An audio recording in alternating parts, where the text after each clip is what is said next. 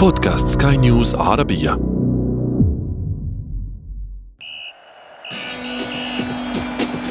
أثير الكرة.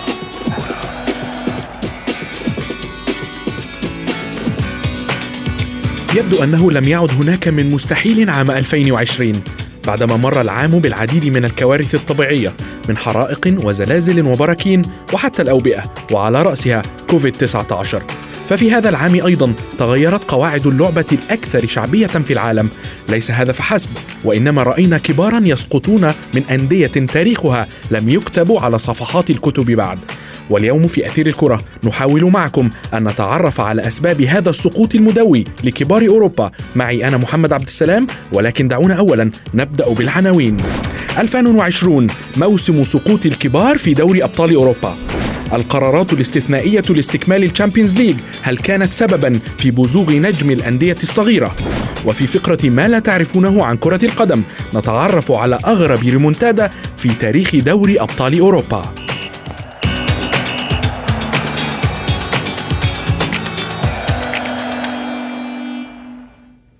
أهلا ومرحبا بكم مستمعينا الكرام في حلقة جديدة من برنامجكم أثير الكرة. نناقش اليوم الملف الأبرز على الساحة الكروية هذه الفترة وهو إقصاء فرق كبيرة بحجم برشلونة بنتيجة كبيرة ومانشستر سيتي من ليون وقبله يوفنتوس في موسم توقف قسريا بسبب كورونا وعاد مرة أخرى بقواعد جديدة قد تكون السبب في هذا السقوط المدوي لكبار القارة العجوز. ولكن دعونا اولا نأخذكم في جولة على آخر أخبار المستديرة.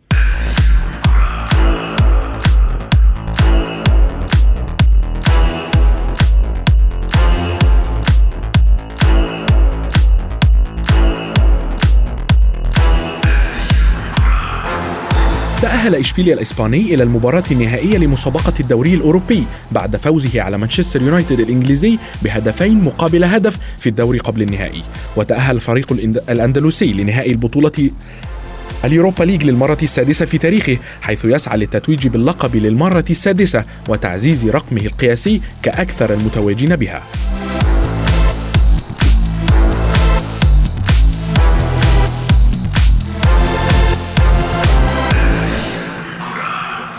قال رودي غارسيا مدرب ليون الفرنسي إن فريقه بحاجة لعمل بطولي من أجل تجاوز بايرن ميونخ الألماني في الدور قبل النهائي من بطولة دوري أبطال أوروبا. وأكد غارسيا على أنه لا توجد حدود لفريقه بعد إقصاء اثنين من أقوى المرشحين للقب يوفنتوس الإيطالي من دور الستة عشر ومانشستر سيتي من دور الثمانية. مضيفا أن الأمر سيكون مماثلا بالنسبة لبايرن ميونخ وأن فريقه سينافس من أجل الاقتراب من لقب ال Champions League.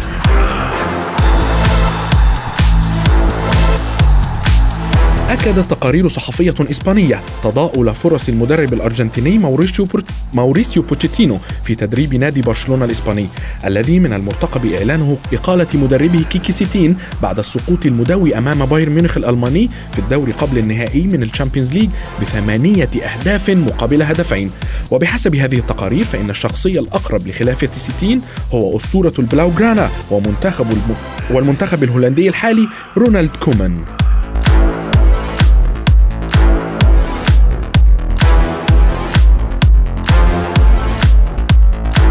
وفي السياق ذاته ذكرت الصحف الإسبانية أن نادي برشلونة دعا إلى اجتماع استثنائي لمجلس الإدارة لبحث تداعيات الخسارة القياسية التي تعرض لها أمام بايرن ميونخ وأشارت التقارير إلى أنه من المتوقع أن تتم إقالة سيتين خلال هذا الاجتماع وقد يتخذ رئيس النادي بارتوميو قرارا بتقديم موعد الانتخابات الرئاسية التي كانت مقررة صيف 2021 لتقام في نوفمبر المقبل.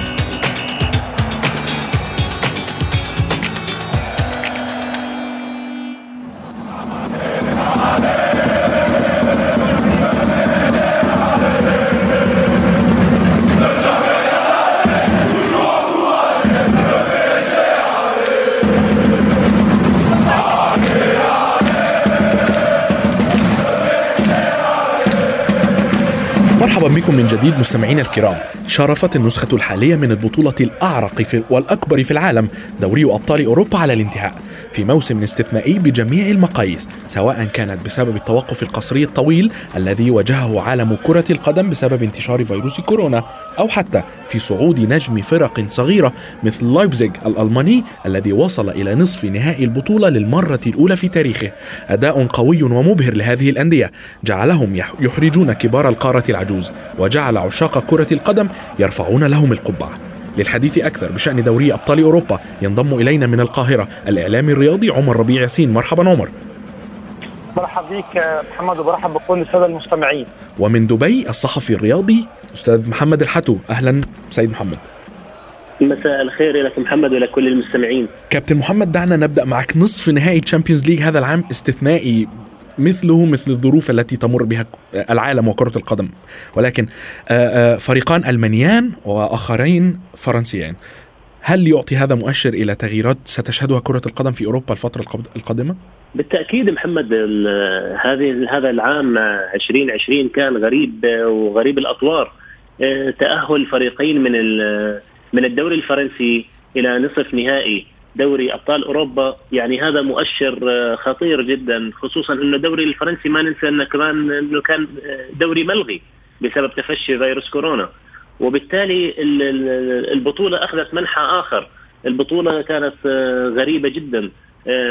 نصف النهائي في يعني أربع فرق لا لا نرى منهم يعني فريقا يستحق البلوغ.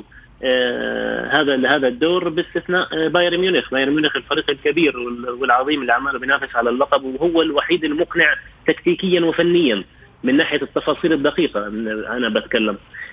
بينما يعني فريقين ليون ولايبزيغ تحديدا الفريقين زي ما تحكي إنه قاتلوا ولعبوا على الروح وكان في كما تحدثتم بتقريركم الجميل عن عن الظروف الجديدة والمستحدثه اللي حدثت والتعديلات الجديده على البطولة بإقامة الدور نصف النهائي دور الربع النهائي من مباراة واحدة. كل ذلك أثر على أثر على على على المنافسة وعلى مستواها.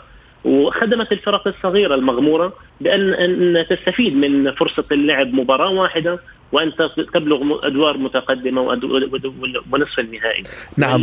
كيف نفسر ذلك؟ وليون سابع الدوري الفرنسي. هناك صدمة صدمة كبيرة في الشارع الرياضي الكروي. ليون بالتأكيد. سابع الدوري الفرنسي لايبزيغ خسر خسارة كبيرة مع بايرن ميونخ في في البطولات المحلية. بالتأكيد كابتن محمد. عمر. لذلك الظروف كانت جدا غريبة. عمر بالحديث عن التغييرات التي قام بها الاتحاد الأوروبي للقواعد من أجل استكمال المسابقة برأيك هل هذا التغيير يمكن أن يكون سببا في سقوط الكبار؟ يعني مثل سيتي أتلتيكو مدريد أيضا لا ننسى أتلانتا كان قاب قوسين أو أدنى من أن يقصي باريس سان جيرمان. يعني هل قرار أن أن تكون المباراة الإقصائية فقط من مباراة واحدة بالفعل كما قال سيد محمد من دبي أن تكون هي السبب وراء هذا السقوط المدوي للكبار في أوروبا؟ أكيد طبعا ما فيش شك خلينا نتفق جميعا إن 2020 يمكن موسم استثنائي في كل الدوريات اللي في العالم مش بس في ال Champions League لكن طبعا زي ما أنت اتكلمت وزي ما الصديق العزيز أستاذ محمد أتكلم وقال طبعا الظروف الحالية أكيد طبعا غريبة شوية كمان. زي ما أنت قلت القواعد اللي اتغيرت مباراة واحدة فقط بدلا من مباراتين. أعتقد إن هي ليها يعني يعني ليها بعض السلبيات وليها وليها بعض الإيجابيات بعض السلبيات اللي بالنسبة اللي ممكن تؤرق الفرق الفرق الكبيرة من الفرق الصغيرة أو الفرق اللي مش على قدر كافي من النجوم زي الفرق الكبيرة تكون تكون خطر بالنسبة للفرق الكبيرة. ده وده اللي إحنا شفناه إن مفيش معايير إن الفرص متساوية إن أنت بتلعب مباراة واحدة بتلعب محايد. حتى الملعب اللي أنت بتلعب عليه مش متعود إنك تبقى موجود عليها وبالتالي ده بيديلك فرص أكبر. إن أنت تلعب وكمان بيكبر الطموح والحلم اللي موجود عند المدرب. يعني بمعنى أنت لو تخيل مباراتين الفريق هيلعب بره ملعبه وممكن يتعرض لخسارة بالتالي يكون عنده معنويات يكون عنده طموح أقل من من الطبيعي. لكن مباراة واحدة بتخش بنفس بنفس الفرص المتساوية بتخش بنفس ال ال ال ال ال الامل اللي موجود عندك ان انت تتخطى فرق. شفنا شفنا أولمبيك اليوم بيتخطى فرقتين زي ما إحنا اتكلمنا بيعدي فرقتين كبار جدا زي اليفانتس ومانشستر سيتي. ما اعتقدش إن في الظروف الطبيعية حتى لو في ظروف فيروس كورونا وفي مباراة ذهابا وايابا على ملعب يوفنتوس وعلى ملعب ليون أو العكس ملعب السيتي أو ملعب آه، ليون ما اعتقدش ابدا إن المباراة كانت تبقى في صالح آه، فريق آه، ليون زائد الحظ الكبير جدا السيء اللي كان يعني كان بيقابل مدربين. وما ننساش إن كمان يا محمد إن مش بس مش بس اللوائح في مدربين بتكون متخصصة جدا في مباريات النوك أوت أو في المباراه اللي بتكون فاصلة ما بين ذهاب وإياب في المباريات الذهاب والإياب نعم. آه، وكمان بقى تخيل دي مش ذهاب وإياب دي مباراة واحدة فقط تفصل في صعود فريق لدور ال 16 أو دور الثمانيه أو دور قبل النهائي أو دور النهائي. وبالتالي أنا شايف إن العوامل أكيد طبعا بتساعد الفرق وفي صف الفرق الأقل نجوميه والأقل حظا من الفرق الكبيرة اللي موجودة في أوروبا وبالتالي لو عملنا كل بطولة نفس الفكرة ما أعتقدش إن إحنا ممكن نلاقي فرق كبيرة وتنافس على لقب ال Champions اذا فأنت ترى سيد محمد هل ترى بالفعل أن إذا كانت هناك مباراة عودة لمانشستر سيتي وأتلتيكو مدريد أمام آه، آه، ليون وأمام آه، الفرق الأخرى هل كان سيعود الفريقان خلال مباراة العودة؟ بالتحديد مانشستر سيتي. مانشستر سيتي يستطيع العودة. أنا برأيي الشخصي أمام ليون. فريق ليون لنكن صريحين يعني قدم مباراة كبيرة وبالروح والعزيمة ورودي غارسيا كان عنده فكر آه، رائع جدا وطبقوا لاعبينه بحذافيره والمنطق الكروي اللي لعب فيه كان بيأهله للفوز في هذه المباراة تحديدا. ولكن قياسا بظروف آه، مانشستر سيتي آه، خلال المباراة والفرص المهدرة وكلنا شفنا يعني كرة رحيم ستيرلينج اللي في الدقائق الأخيرة أثناء ما كانت النتيجة تشير إلى التعادل واحد واحد وتم تسديدها برعونة غريبة فوق العارضة آه، مدافع آه، جوارديولا لافتراش الأرض حتى يعني وكان منزعج للغاية لأنه كانت هذه الكرة تحديدا كانت, كانت أنهت المباراة. كانت ستغير وجه المباراة كانت ستغير سيناريو المباراة بالتمام. ولكن آه، أعتقد إنه جوارديولا تحمل مسؤولية مسؤولية كبيرة في هذه المباراة تحديدا. كرر أخطاء الدفاعية اللي وقع فيها في المشاركات الثالثة الماضية في ربع النهائي أمام موناكو وليفربول وتوتنهام. جوارديولا كان بيعتمد على مفاتيح لعب هجومية وتعطل إذا تعطل إحداها فشل فشلت المنظومة بأكملها. فهذا الغريب كان في في المباراة. عندما تمتلك على الدكة فريقا آخر وبضاهي الأساسيين بالمستوى وتمنحك القوانين الجديدة فرصة إشراك خمس تبديلات. ولكن انت بتثير دهشة جمهورك بإنك تشرك فقط تبديلين وتبقي على آه لاعب بحجم برناردو سيلفا اللي تالق في مباراه ريال مدريد. فهذا كمان علامة استفهام كبيرة. كثرة التغييرات في التشكيلة الأساسية من مباراة إلى أخرى آه، أفقدت الفريق انسجامه وحيويته. آه، ما ننسى كمان إنه جوارديولا اثبت فشله الصارخ في أمام الفرق التي تحسن التكتل الدفاعي.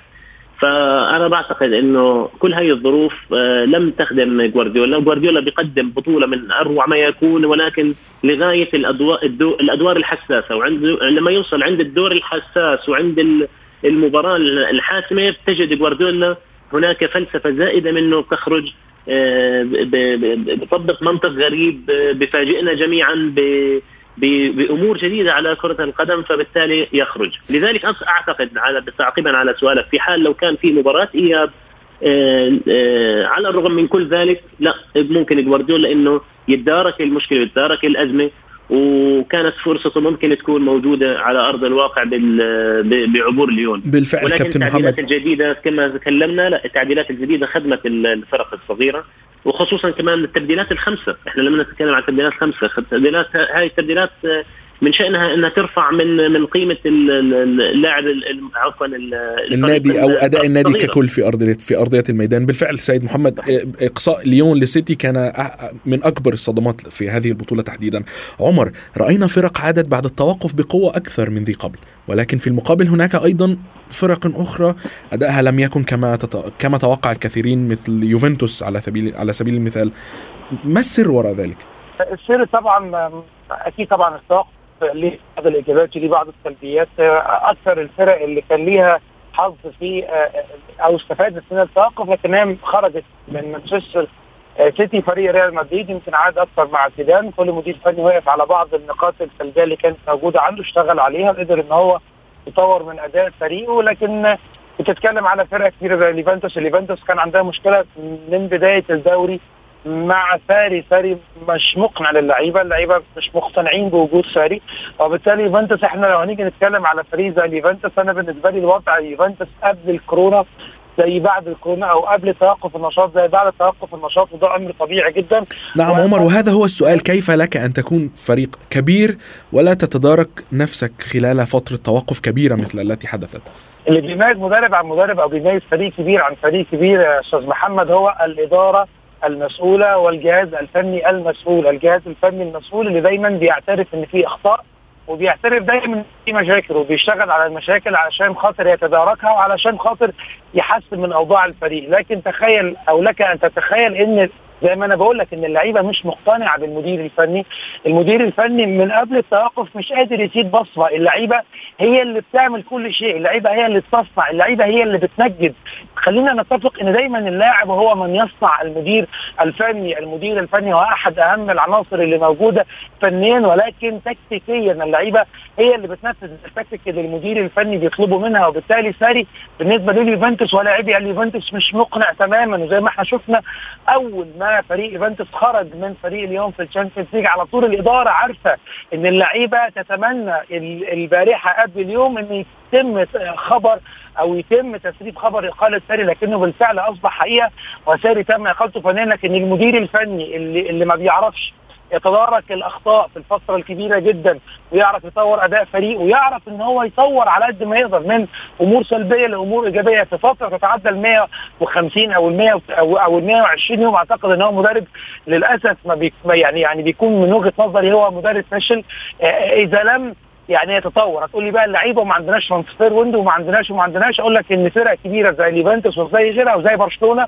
طبعا بالنتيجة الكبيرة ال ال ال الفضيحة اللي خرج بيها من أوروبا المدرب اللي ما يقدرش يشتغل على لعيبة بالحجم ده وبالإمكانيات ده ويخرج بأداء مخزي ومذل ويخرج امام فرق. أعتقد إن لو ليفانتوس امام ليون وكمان لو هقول لك برشلونة خرج من أمام البايرن بس النتيجة مش ممكن النتيجة دي لا يمكن لو حد يحلم لا يمكن يتوقع ان هو يخرج بثمان أداء. نعم. عمر بالحديث عن ما قلته سيد محمد بالحديث عن ما قاله عمر عن أن اللاعب هو الذي يصنع المدرب. بالحديث عن برشلونة تحديدا هل بالفعل لاعبي برشلونة هم من تعمدوا أن يقوموا بذلك لستين أم أن ستين؟ ضعيف على برشلونة. ضعيف لكي يمسك فريق لكي يت... ي... يكون مدربا لفريق بحجم برشلونة. محمد شخصيه شخصية أي مدرب من شخصية لاعبينه. عندما يكون مدرب ذو شخصية قوية ورزينة ومتزنة وهادئ على بالمنطقة الفنية تجد اللاعبين بالتالي يمتلكون شخصية المدرب من حيث القوة من حيث الرزانة من حيث الهدوء في التعامل مع الكرة. ولكن إحنا شاهدنا يعني مشكلة برشلونة إنه الضغط الضغط الكبير اللي الواقع على اللاعبين في في الأدوار المتقدمة. خصوصا إنه برشلونة في في النسختين الماضيتين ودع أمام روما ثم ليفربول بطريقة يعني وسيناريو جدا عجيب. وبالتالي هذا الضغط تراكم فوق اللاعبين وكانوا اللاعبين بحاجة لمدرب شخص بشخصية أقوى بشخصية اللي, اللي يفهم اللاعبين يعني فنيا وبدنيا وذهنيا. ولكن حتى المدرب إحنا شفنا كيكي سيتين يعني في من بداية الموسم كان مهزوز. يعني مش هذا المدرب اللي يستلم فريق بحجم برشلونة. ولكن الإدارة الإدارة هي بعتقد اللي هي السبب الكبير وراء هاي الفضيحة التاريخية. أنت تخسر أمام أمام بايرن ميونخ بثمانية أهداف. ولاعبك السابق اللي انت استغنيت عنه اللي هو كوتينيو البرازيلي الرائع. نعم كابتن محمد. يسجل فيك هدفين في آخر عشر دقائق في في أقل من أقل من 10 دقائق وهو نعم. نازل في آخر الشوط الثاني. يعني كانت هاي المشكلة كابتن كبيرة. محمد دعني محمد دعني اختم أختم معك. من تتوقع أن يحصد هذه البطولة؟ سريعا. فريق واحد. ميونخ. أنا أرشح بايرن ميونخ. عمر من تتوقع أن يحصد هذه البطولة الاستثنائية هذا الموسم؟ بايرن ميونخ بكل قوة. بايرن ميونخ بكل قوة. كنت معي من القاهرة الإعلامي الرياضي عمر ربيع. ياسين شكرا جزيلا لك. ومن دبي الصحفي الرياضي محمد الحتو أثير الكرة.